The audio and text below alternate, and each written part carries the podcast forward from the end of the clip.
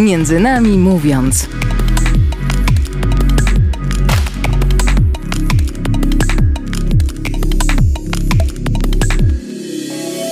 Dzień dobry, tutaj audycja Między nami mówiąc. Ja się nazywam Stanisław Bresz, a dzisiaj porozmawiamy o zbliżających się świętach, a goszczę dzisiaj na internetowych łączach panią doktor teologii moralnej, znaną z prowadzenia kanału Prawie Morały na YouTubie, a także konta na Instagramie pod tą samą nazwą, czyli Agatę Ruiner. Cześć, dzień dobry. Cześć, uśmiecham się na tych internetowych łączach. Rozmawiamy, w sumie tak chciałbym, żebyśmy trochę nawiązali do tego zbliżającego się święta Bożego Narodzenia i też do tego czasu, który teraz y, przeżywamy, czyli do Adwentu ale tak na początku chciałbym się ciebie spytać, y, skąd w ogóle przyszedł do ciebie ten pomysł? Jak, jak, jak, jak, jak stwierdziłaś, że chcesz y, gdzieś tam taką internetową działalność rozpocząć, to właśnie w takiej formie, jakiej to robisz, czyli kanały na YouTubie i konta na Instagramie? Tak naprawdę są dwie historie powstania e, mojego kanału. Pierwsza jest bardzo pragmatyczna. Byłam na studiach doktoranckich Mm, I no jak to życie studenckie, spotykałam się z ludźmi czy na imprezach, czy na, przy innych okolicznościach. I kiedy ludzie na tych spotkaniach dowiadywali się, że ja robię doktorat z teologii, to byli bardzo zdziwieni, ale mieli mnóstwo pytań. I bardzo często takie imprezy kończyły się w ten sposób, że siedzieliśmy w kółku i ludzie zadawali mi pytania. A ja byłam zdziwiona, że oni nie znają odpowiedzi. E, w sensie dla mnie te rzeczy wydawały się bardzo naturalne. I to, co mówi Kościół, i to, co jest w tym nauczaniu. E, I kiedy zobaczyłam, że to nie dla wszystkich jest oczywiste, to stwierdziłam, że może warto byłoby przenieść tę wiedzę, którą ja mam, do internetu. E, wtedy też były popularne e, takie kanały dotyczące języka, e, czy języka polskiego, czy języka angielskiego, takie edukacyjne. I ja stwierdziłam, że ja trochę też tak chcę.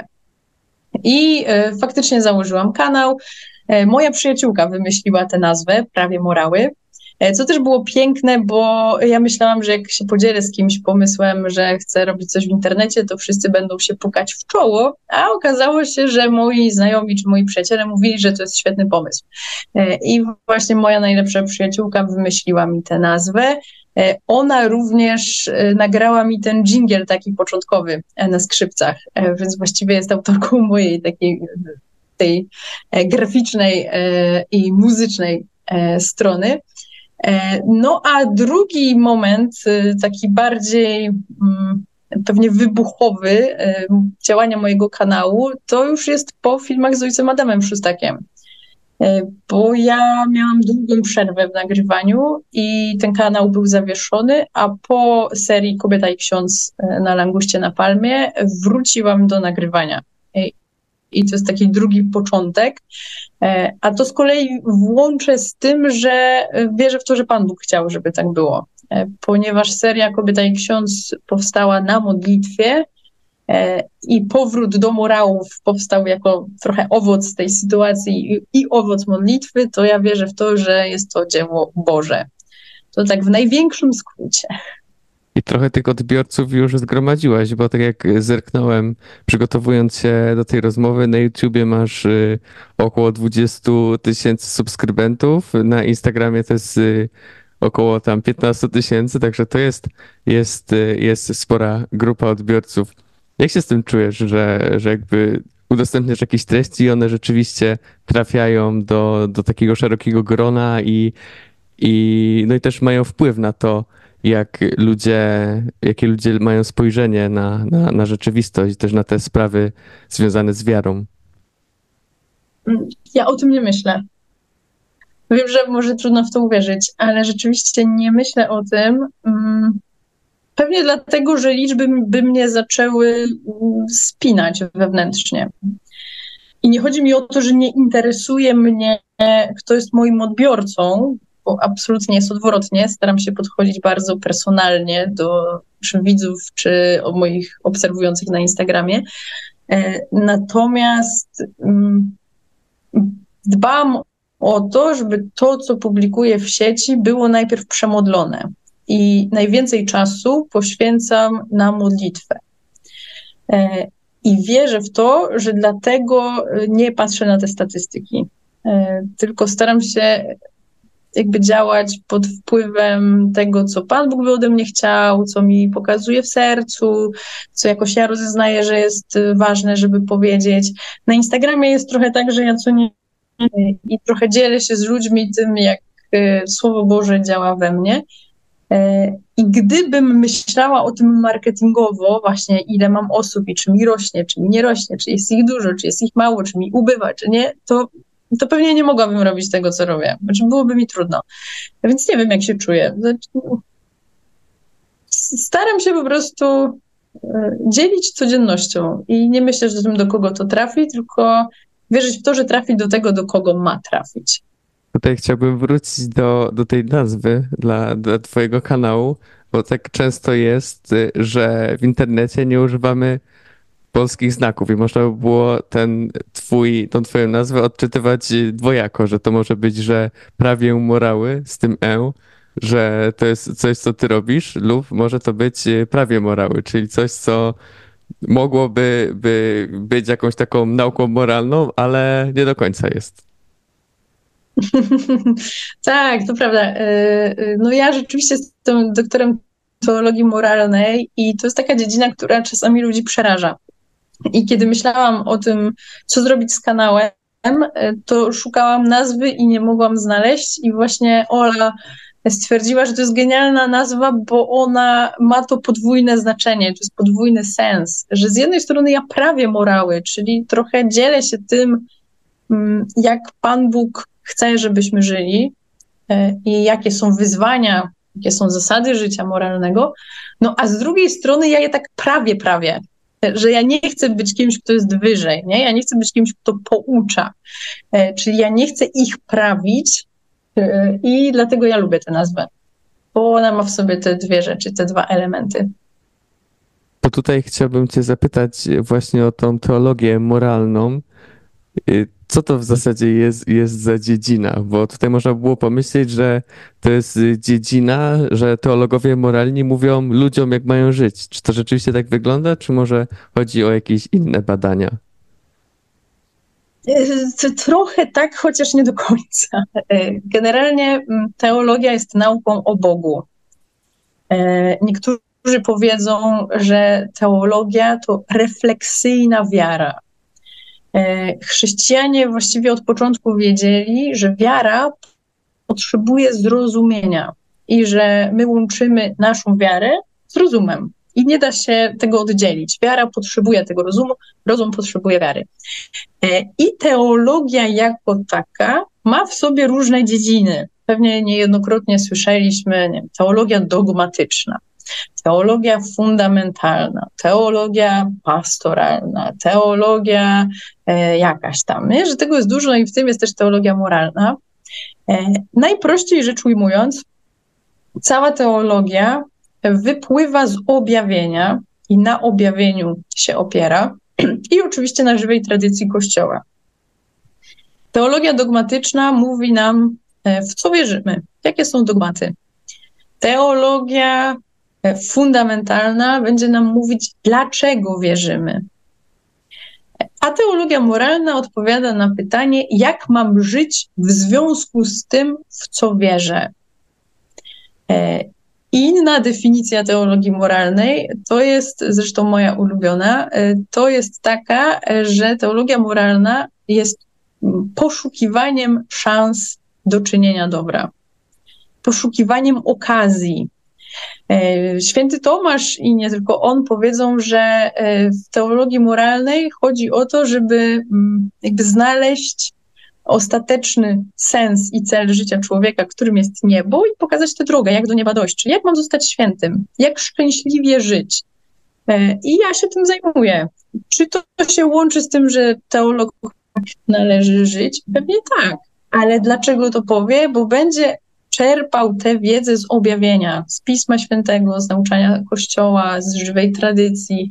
Mm, i tak to wygląda, ale bardzo nie lubię tego myślenia, w którym e, człowiek e, tak stereotypowo podchodzi, że teologia moralna, czyli aha, czego mi nie wolno, nie? Że, że właśnie tym się ktoś zajmuje. Nie, ja się zajmuję tym, co jest dobre, bo człowiek jest powołany do świętości, powołany do tego, żeby czynić dobro, żeby naśladować Chrystusa. Po drugim Soborze Watykańskim e, w teologii moralnej jest taki bardzo silny nurt naśladowania Chrystusa że chrześcijanin jest zaproszony do tego, żeby iść za Panem. I kiedy ja będę szła za Chrystusem, e, to będę czynić dobro. I nie, nie chybię, bo czym jest grzech? Grzech jest chybieniem celu. E, czyli nie trafiam w te tarcze dobra, a moim zadaniem jest w te tarcze trafiać. Jak to wygląda w takim kontekście czasowym, powiedzmy? Znaczy się, czy teologia moralna w jakiś sposób. Yy to, to, to, to swoje nauczanie, czy, czy właśnie to kształtowanie, e, czy też mówienie o tym, co jest dobre, co, co, co się podoba Panu Bogu, a co nie, czy to się zmienia jakoś w czasie? W sensie, czy, czy na przykład za, za czasów świętego Tomasza, e, przez to, że, że też ludzkość była powiedzmy na, na, na innym poziomie gdzieś tam rozwoju, czy te, te same rzeczy były uznawane za, za te, które się podobają Panu Bogu, Y, czy to się jakoś zmieniło od, od, od właśnie od tego czasu? No, to, to zadałeś takie bardzo szerokie pytanie i moglibyśmy spokojnie poświęcić temu całe sympozjum naukowe, jeśli nie nawet habilitację, bo sama teologia moralna e, jako odrębna dyscyplina w teologii powstała w 1600 roku. Jan Azor napisał wtedy pierwszy podręcznik do teologii moralnej. E, czy to znaczy, że wcześniej moralnej nie było? Czy to znaczy, że wtedy, nie wiem, wcześniej się ludzie nie zastanawiali, co jest dobre, a co złe? No nie. E, jak patrzymy na Pismo Święte, to już Stary Testament nam pokazuje, co Bóg mówi o tym, co jest dobre. I kiedy dostajemy dekalog, e, dostajemy przykazania, dostajemy prawo, to widzimy, że Pan Bóg wyraźnie zaznacza człowiekowi, E, pewne ramy. Nawet wcześniej, zanim mamy dekalog, to mamy jeszcze sytuację w raju, przed grzechem, gdzie Bóg też mówi: Ze wszystkich drzew tego ogrodu możesz spożywać, ale z tego drzewa nie możesz. I to Pan Bóg jest tym, który decyduje, co jest dobre, a co złe. Bo tu wydaje mi się ważne, żeby zaznaczyć, że to nie działa w ten sposób, że zbiera się e, świta teologów, nie wiem, jakichś biskupów albo myślicieli, e, i oni w konkretnym czasie, dzisiaj w XXI wieku, będą decydować, co dla współczesnego człowieka jest dobre, a co jest złe. Nie. Teolog czy teolog moralista jest tym, który odczytuje. Ja nie wymyślam norm moralnych, ja nie wymyślam zasad, ja odczytuję to, co Pan Bóg już nam zostawił. Ja powiem więcej, każdy człowiek ma taki zmysł odczytywania tego, co jest dobre, a co jest złe, ponieważ każdy z nas ma sumienie. Czyli ten najtajniejszy ośrodek, w którym spotykamy się z Bogiem, w którym słyszymy te wskazania, czyni to, tego unikaj. Słyszymy nawet takie najprostsze e, pryncypia, czy e, nie czyń drugiemu, co tobie niemiłe. Każdy z nas ma. Ja nie muszę nawet być wierząca, żeby to mieć. E, co się zmienia w historii? W historii zmienia się nasza wiedza i nasze sposoby odczytywania, czyli my cały czas pogłębiamy tę wiedzę o Bogu i o tym, jaka jest Jego wola i co On chciał. Zmienia się też mm, jakby technologia i różne pomysły, które ma człowiek, więc w tym sensie jest więcej wyzwań e, i więcej pytań, na które potrzebujemy szukać odpowiedzi, e, ale samo to, co jest dobre, a co złe, się nie zmienia, bo to Pan Bóg to wymyślił. Kościół uczy tego, że istnieje coś takiego jak odwieczne prawo, e, takie lex eterna, i to odwieczne prawo jest niczym więcej jak zamysłem Bożej miłości względem człowieka i świata.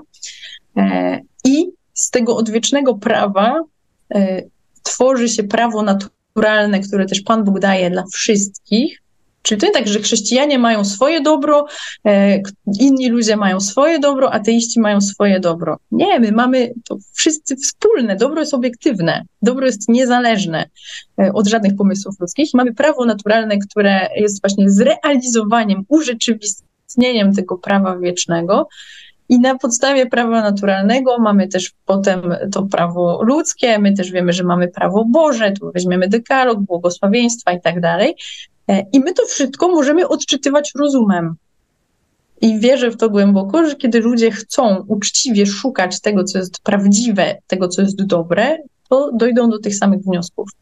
Mam w sumie teraz takie pytanie, które trochę nawiązuje do, do tej nazwy i o tym, co wcześniej rozmawialiśmy, o tym prawieniu morałów. Y, czy właśnie taki teolog, moralista, czy, czy ma prawo właśnie prawić morały, mówić komuś, że to, co robisz jest dobre, a to, co robisz jest złe? Trochę się obawiam odpowiedzi na to pytanie. w tym sensie, że, mm, że generalnie tak, ale, ale, i tu bym dała duże ale. Wszyscy ludzie, to nawet nie teolog moralista, wszyscy ludzie mamy prawo szukać dobra i to jest też nasz obowiązek. I kiedy widzimy, że ktoś błądzi, to z miłością mamy mu pokazywać, że błądzi.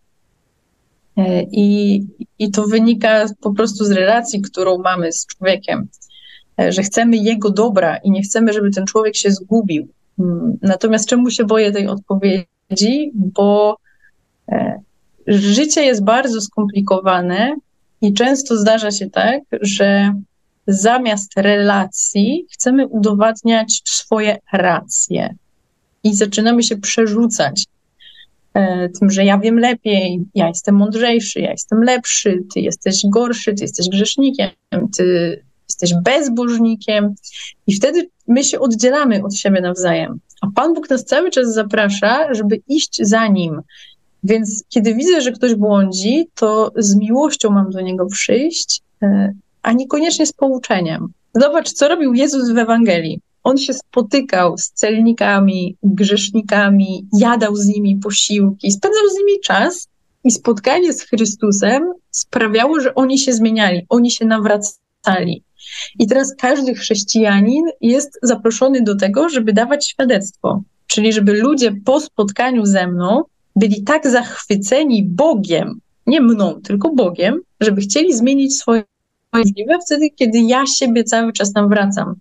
I dlatego jak ty mnie pytasz, czy my mamy prawo mówić innym, no to tak, mamy prawo, bo mamy chronić dobro i mamy do dobra iść, ale nie zapominajmy, że jesteśmy grzesznikami, na których wejrzał Pan. I że nasze nawrócenie to jest pierwsze zadanie, które mamy robić, a dopiero potem iść do świata. Trochę w naszej rozmowie teraz y, zahaczyliśmy o te y, tematy teologii moralnej, ale tak jak już powiedziałem na początku audycji, chciałbym też z moim gościem porozmawiać o zbliżających się świętach Bożego Narodzenia. No i na to przyjdzie czas po krótkiej przerwie muzycznej, na, te, na którą teraz zapraszam. A dzisiaj moim gościem jest Agata Ruiner, znana z kanałów na YouTubie i z konta na, na, na Instagramie Prawie Morały. Usłyszymy się już za kilka minut, a teraz y, muzyka. Między nami mówiąc.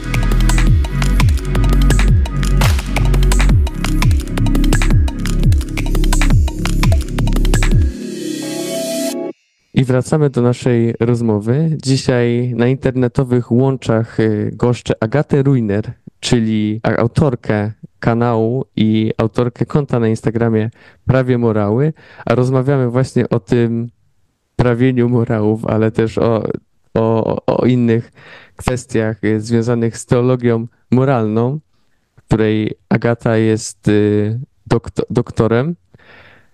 A teraz y, chciałbym jeszcze zapytać Ciebie, bo w końcu niedługo zbliżają się święta Bożego Narodzenia. Chciałbym zapytać Cię właśnie o to, jak możemy dobrze przeżyć ten czas, ale w sumie najpierw nawiązałbym trochę do tego adwentu, który powoli się kończy, a który był najkrótszy z możliwych, bo, bo Adwent trwa cztery niedziele, a w tym roku akurat tak się złożyło, że czwarta niedziela Adwentu wypada w Wigilię, także wyjątkowo krótki Adwent w tym roku. I tak chciałbym Cię zapytać na początek, jak Ty się przygotowujesz do, do przyjścia Pana Jezusa, do świąt Bożego Narodzenia? Dzięki za to pytanie. Mm, dla mnie Adwent to jest czas tęsknoty i takiego przypominania sobie o tym, że ja tęsknię za byciem blisko Pana. Tęsknię za niebem. Tęsknię za możliwością e, takiego pełnego zjednoczenia. E, I że czekam na to, aż on wróci, e, że czekam na tę paruzję, e, na to, kiedy dla wszystkich już odsłoni się jego bliskość, jego miłość, jego obecność. I ja bardzo różnie przeżywałam adwenty, to znaczy zdarzało mi się popełniać ten błąd, że miałam jakieś wielkie postanowienia i, i polegałam tylko na sobie. Mm, I w tym roku zrobiłam to, co już robiłam też ostatnio, czyli właśnie na przykład nie miałam postanowień. Nie w tym sensie, że nie chcę się nawracać, tylko w tym sensie, że nie chcę, żeby kolejne punkty do odhaczenia przysłoniły mi sens tego, o czym jest ten czas, bo ja mam też taki charakter bardzo perfekcyjny. I, I na przykład dla mnie to jest niebezpieczne, kiedy sobie wymyślam postanowienia. To nie znaczy, że jeśli ktoś wymyślił i jest wierny swoim postanowieniom, to robi źle. Ja po prostu znam siebie i swój charakter i mi to nie służy. Ja w mojej drodze duchowej akurat potrzebuję innych rzeczy.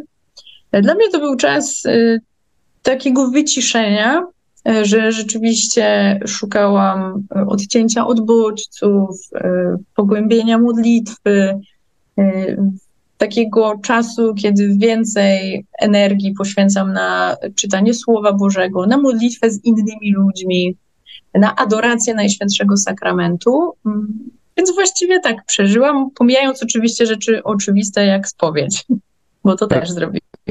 A teraz mam takie pytanie, które może wydać się kontrowersyjne, bo tak właśnie często mówimy o Adwencie i, mówimy o tych różnych y, Y, o tych różnych postanowieniach, które podejmujemy, ale w sumie jak, jak, jak według ciebie, czy adwent w ogóle można źle przeżyć? Wszystko można źle przeżyć. Mm, to każdy dzień możesz przeżyć nie tak. Mm, I to jest trochę tak, że ja naprawdę się wolę skupiać na dobru. I nie bez powodu ta teologia moralna jest mi tak bliska, bo, e, bo wierzę w to, że Bóg, kiedy na nas patrzy, to też chce widzieć w nas dobro. Jan Paweł II w jednym ze swoich dokumentów o miłosierdziu, w Dives in Misericordia, podaje taki, taką definicję miłosierdzia, że to jest wydobywanie dobra spod wszelkich nawarstwień zła. I myślę, że kiedy my się skupiamy na tym, co nam nie wyszło i jak przeżyliśmy źle ten adwent yy, i źle się przygotowaliśmy do świąt, to wtedy to zło nas pociąga. A ja mam zło zauważyć i się od niego odwrócić. I mam nie pociągnąć dobro. Yy, więc niezależnie od tego, jak przeżyliśmy ten adwent i czy uważamy, że był to czas zmarnowany, czy nie, to ciągle mamy czas. Nie? Bo jest ta chwila teraz. I to jest ta chwila, kiedy ja i ty i nasi słuchacze możemy stwierdzić, ok, to chcę zrobić inaczej, bo jeszcze mogę, bo jeszcze żyję, bo jeszcze się nie skończyło. I ja bym jakby do tego zachęcała, a nie do takiego myślenia teraz, o ja źle przeżyłem, bo myślałem tylko o prezentach, nie byłem na roratach i tam sobie, wiesz, wymyślą ludzie teraz cały szereg y, rzeczy, które mogli zrobić lepiej. Nieważne, masz czas teraz, to teraz pomyśl, przemódl, co możesz zrobić, żeby cię to zbliżyło do Boga. Nie? Żeby ten adwent e, był czekaniem na Pana. A na co ty zwracasz uwagę? Już y, przejdźmy może do, do właśnie do Bożego Narodzenia i co jest y, takim elementem, który jest dla ciebie najważniejszy podczas y, tych świąt? Eucharystia. E, zresztą nie tylko podczas tych, y, no, Eucharystia jest dla mnie i zresztą myślę, że dla Kościoła y, najważniejsza.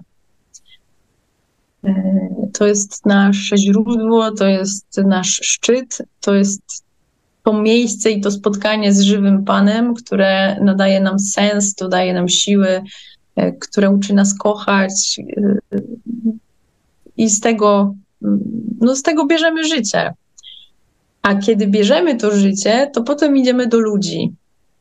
I, i, I, myślę, że to jest drugi element, że Eucharystia, która jest przeżywana we wspólnocie Kościoła i potem bycie z ludźmi, to, to są takie dwa elementy najważniejsze. Czyli żeby tego wszystkiego nie, nie zatrzymywać dla siebie, ale iść i, i właśnie z tą energią, czy, czy może właśnie z tym dobrym słowem, słowem Bożym, które czerpiemy, z, którego czerpiemy podczas Eucharystii, żeby iść i się dzielić z drugim człowiekiem. Tak, dokładnie. Y, ja teraz miałam i na uczelni, i w różnych miejscach spotkania świąteczne. I kiedy czytaliśmy Ewangelię y, według świętego Łukasza, to pierwszy raz uderzyły mnie tam te słowa, które no, znam i ty pewnie je znasz i nasi słuchacze też znają. E, takie słowa, że w tej samej okolicy przebywali w polu pasterze, którzy e, tam strzegli owce czy coś, mieli, no, no wszystko jedno, nie pamiętam tego z głowy. Trzymali straż nocną, chyba wtedy, tak to tam jest napisane. Właśnie, trzymali straż, właśnie, ma, dzięki, dzięki za pomoc. I właśnie po to potrzebujemy drugiego człowieka, żeby nas ratował, jak nie pamiętamy. E, I wiesz, co mnie tam uderzyło? Że w tej samej okolicy, że, żeby po prostu być w okolicy Pana, że robisz to, co masz robić. Oni mieli obowiązki swoje. Po prostu pilnowali tych owiec. Byli w okolicy tam, gdzie był Pan i gdzie się dział cud Bożego Narodzenia, gdzie wydarzyło się wcielenie i że ja chcę być tym człowiekiem, który jest w okolicy Jezusa. I nawet z takim e, zdaniem możesz iść do ludzi i się tym dzielić, nie? że byłeś w kościele, czy byłeś na jakimś spotkaniu opłatkowym i odkryłeś coś nowego. I chcesz to zanieść dalej, nie chcesz tego zatrzymać dla siebie. Tak sobie myślę, że to spotkanie z drugim człowiekiem podczas y, świąt jest y, piękną sprawą i często możemy, może być źródłem wielu radości, ale też często się zdarza, że spotykając się z drugim człowiekiem, spotykamy się też y, z jego światopoglądem, z jego podejściem do życia, które niekoniecznie jest takie samo jak nasze podejście do życia. I tu nawet już nie mówię o gdzieś tam o kwestii tego, czy ktoś jest wierzący, czy ktoś jest niewierzący, tylko po prostu często się zdarza, że ludzie mają odmienne poglądy i to powoduje różne spięcia i, i też y, może prowadzić do jakichś nieprzyjemnych y, rozmów, do nieprzyjemnych sytuacji też przy świątecznym stole. I, i w sumie tutaj, tak trochę też nawiązując do tego, o czym rozmawialiśmy wcześniej, czyli e, też może do takiego umoralniania. E, jak, jak, jak ty byś widziała, w jaki sposób e, można unikać takich sytuacji, bo wydaje mi się, że to mogą, mogą być sprawy, które, które gdzieś tam będą niszczyły tą, tą jedność. Mhm. W ogóle chyba święta są takim czasem, który obnaża prawdę o o, nas, o naszych relacjach, o naszych rodzinach, że z jednej strony bardzo chcemy, żeby wszystko świeciło, tak jak te światełka na choince i najpiękniejsze bombki i te piękne stroje, stoły e, i to wszystko zewnętrznie, co robimy, żeby pokazać, że jest pięknie, idealnie, bajkowo. A z drugiej strony zderzamy się z tym, e, że się różnimy, że nie zawsze jesteśmy pojednani, że nie zawsze potrafimy ze sobą rozmawiać, że czasami mieszkamy w jednym domu, ale nie mamy relacji. Czasami nie mamy relacji z ludźmi, którzy powinni być teoretycznie nam bardzo bliscy. I święta to bardzo, bardzo, bardzo pokazują. E, I co ja bym radziła, jeśli wolno mi cokolwiek poradzić, bo to są trudne sprawy, to radziłabym zacząć od siebie, i od takiej modlitwy, żeby e, Bóg dawał nam Ducha Świętego, żebyśmy wiedzieli, co i jak mówić. Żeby nasze słowa nie były słowami, które zabijają. E, bo zobacz, są też święta o tym, że słowo stało się ciałem i my się tym ciałem i tym słowem mamy nakarmić. I my jesteśmy zaproszeni do tego, żeby też te słowa, które wychodzą z naszych ust, były słowami karmiącymi, słowami, które dają życie, które podnoszą. Więc pierwsze, pilnowałabym swoich ust, a to się łączy też z, z pilnowaniem swojego serca.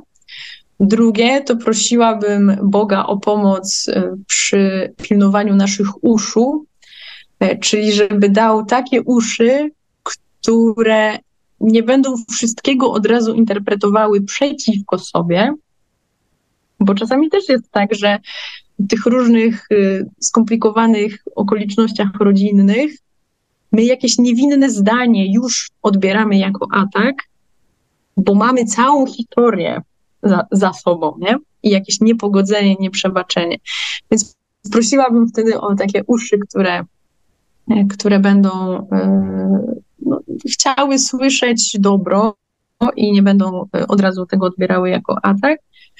E, a kolejna rzecz, mm, to tu akurat Ignacy Święty przychodzi z pomocą. On mówi o tym, żeby zrobić wszystko, żeby ocalić wypowiedź bliźniego, e, a że jeśli nie jesteśmy w stanie ocalić, zobaczyć tego dobra, zapytać, jaką masz intencję, czemu tak uważasz, skąd masz takie poglądy, to Ignacy wtedy mówi, że mamy zrobić wszystko, żeby ocalić siebie przed oskarżaniem tego człowieka. E, pomaga też na pewno już tak nie z duchowej strony, a z czysto ludzkiej, e, umiejętność komunikacji umiejętność słuchania, umiejętność zadawania pytań, ciekawość drugim człowiekiem. Jest taka książka Marszala Rosenberga Porozumienie bez przemocy. I tam są wprost podane sformułowania, które wspierają komunikację i porozumienie. To nawet poćwiczenie takich rzeczy może nam przy stole pomóc, e, żeby spotkać się z tym, który jest inny. Mm, bo my możemy być jednością w różnorodności. To jest możliwe. I Pan Bóg, e, zobacz, jak posłał Jezusa, który potem wybrał dwunastu apostołów, to ci apostołowie byli różni. To, to, nie było tak, że oni wszyscy byli tacy sami. Oni się też ze sobą wspierali, nie rozumieli się czasami. I z nami też tak jest, ale wtedy, kiedy łączy nas Chrystus, to będziemy szukać miłości i jedności, a nie tego, co nas dzieli. Weszliśmy tutaj na dosyć e, ciężki grunt, ciężkie pytania, ciężkie, e, ciężkie rzeczy, o, o których rozmawiamy. I tu w sumie też bym Cię chciał zapytać o, o taką nietypowość, którą będziemy przeżywać w tym roku, no bo Wigilia to będzie niedziela, czyli uczestnictwo w jakiejś tam niedzielnej Eucharystii, a oprócz tego pewnie takie krzątanie się i przygotowywanie wieczerzy wigilijnej, a później też y, udział w pasterce dla wielu osób. Y, czy ty może już myślałaś, jak będziesz y, przeżywać właśnie tę niedzielę, taką w sumie szczególną, zdarzającą się pewnie raz na, raz na 7 lat, o ile nie, nie rzadziej. Czy masz już jakiś pomysł? Mm, tak, ja pójdę rano na mszę świętą, niedzielną, więc będzie czwarta niedziela Adwentu. Potem mam taką tradycję z moimi przyjaciółkami i to taka tradycja już ponad 10 lat tak robimy, e, że spotykamy się na wigilijne śniadanie, no więc spędzę czas e, z moimi przyjaciółkami. E, następnie po południu już mam takie rodzinne świętowanie z najbliższymi, więc pomogę tam, wiadomo, przygotować jakieś rzeczy, ostatnie e, do ugotowania czy udekorowania i będziemy spędzać czas razem. Będziemy blisko, mam nadzieję. I mam nadzieję, że nie pokłócimy się wszystko, tylko będziemy sobie dobrze życzyć i cieszyć się swoją obecnością i bliskością. No a w międzyczasie oczywiście modlitwa e, i takie codzienne rzeczy, takie codzienne rytuały, które ja mam. No wiesz, ja mam o tyle łatwo, że ja nie mam y, męża, dzieci i, i, i, nie u mnie jest wigilia, więc mi jest znacznie łatwiej zachować balans między przygotowaniem, a tymczasem duchowym. Domyślam się, że rzeczywiście takie e, zderzenie daty jest wyzwaniem dla wielu rodzin czy wielu osób, które organizują e, święta u siebie. I tu bym pewnie jedyne co radziła, to taką organizację, że co się da zrobić wcześniej, zróbmy wcześniej. Ja na przykład pewne potrawy mm, na ten czas będę przygotowywać dzień wcześniej, a niektóre nawet dwa dni wcześniej. Po to właśnie, żeby ta niedziela już była wolna od tego, co niekonieczne. No właśnie, tutaj powiedziałaś e, trochę tym, o tych przygotowaniach, o, o tym, że jakąś tam część dań będziesz miała gotową wcześniej. To tak na koniec, e, no bo w sumie jeszcze e, do świąt nam zostało kilka dni, to chciałbym Cię zapytać o tą taką przedświąteczną gorączkę i jak nie zatracić w tej przedświątecznej gorączce właśnie tego, co, co najważniejsze, żeby nie skupić się może na, na jakiejś konsumpcji i, i na kupowaniu rzeczy i na przygotowywaniu, tylko żeby pamiętać rzeczywiście, y, y, na jaką pamiątkę te, te święta są, żeby nie zatracić tej, tego oczekiwania. Nie mam na to jednej recepty. To jest oczywiście ważne pytanie, mm, ale myślę, że co człowiek to sposób i co człowiek to historia.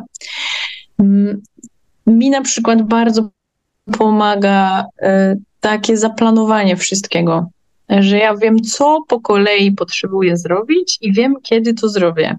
I potem to robię.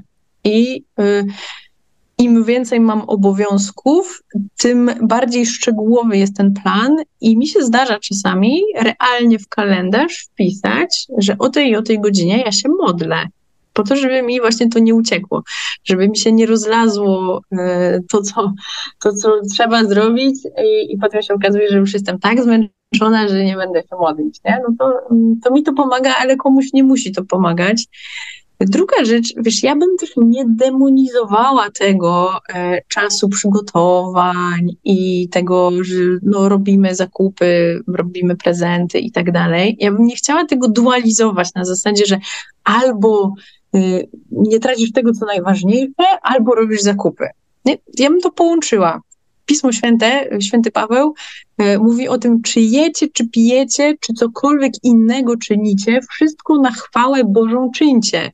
I ja bym zachęcała do tego, czy ubierasz choinkę, czy odkurzasz to mieszkanie, czy właśnie stoisz w kolejce i bardzo się denerwujesz, że się spóźnisz gdzieś, wszystko czyń na chwałę Pana. Uświadamiaj sobie, że to mycie podłogi, to stanie w kolejce, to ubieranie choinki, to stanie w korku jest z tego powodu, że ty chcesz oddawać swoim życiem chwałę Panu i że czekasz na Niego. I wiesz, i wtedy każda nasza czynność stanie się modlitwą.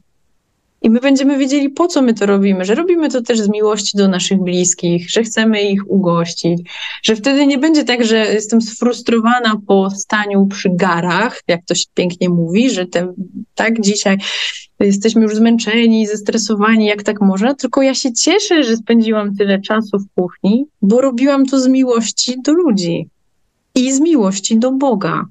Więc ja bym zachęcała do tego, żeby te rzeczy, które i tak trzeba będzie zrobić, robić z inną intencją. Robić je też świadomie.